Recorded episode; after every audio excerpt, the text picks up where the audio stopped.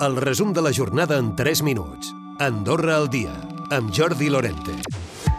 El govern ha confirmat que els treballadors que hagin realitzat dues temporades podran accedir de manera directa a la quota general, com ho podien fer fins ara els que n'havien treballat tres.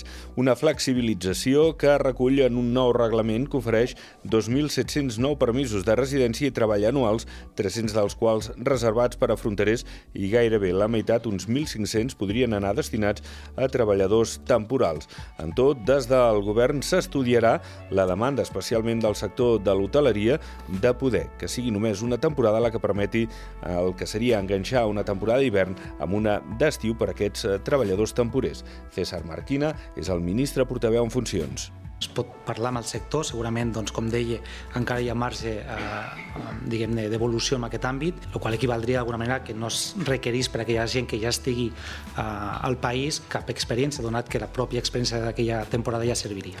Josep Maria Cabanes diu que no hi ha mala maró als liberals després dels mals resultats electorals el passat 2 d'abril.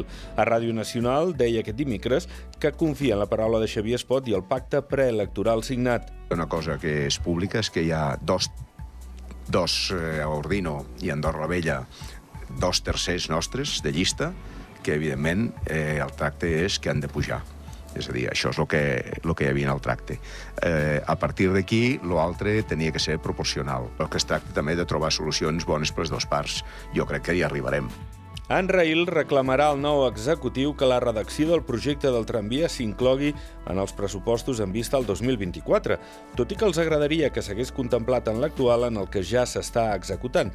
El president d'Anrail és Sebastià Mijares. Una mesura que el govern pot assumir, una infraestructura sens dubte necessària, molt més necessària que ampliacions viàries. S'ha aprovat el reglament d'empreses de seguretat privada i despatxos de detectius.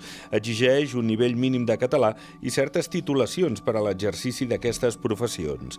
També estipula el règim de col·laboració que poden mantenir amb la policia. I el segell Andorra Selected, destinat a treure turisme del poder adquisitiu en sectors com ara la gastronomia i el comerç, pot ser un clar impuls en un context postpandèmia i d'inflació.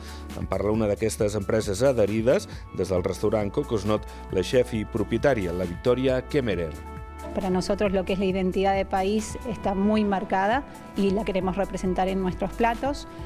La calidad de producto, la calidad de servicio, los detalles, un equipo profesional, con idioma, Aviat estrenaran una pàgina web i arrencarà una campanya de difusió. I Crèdit Andorra inclou ja l'opció del Visum en els serveis de pagaments digitals, tot plegat dins l'aplicació banca online que s'ha d'actualitzar o activar.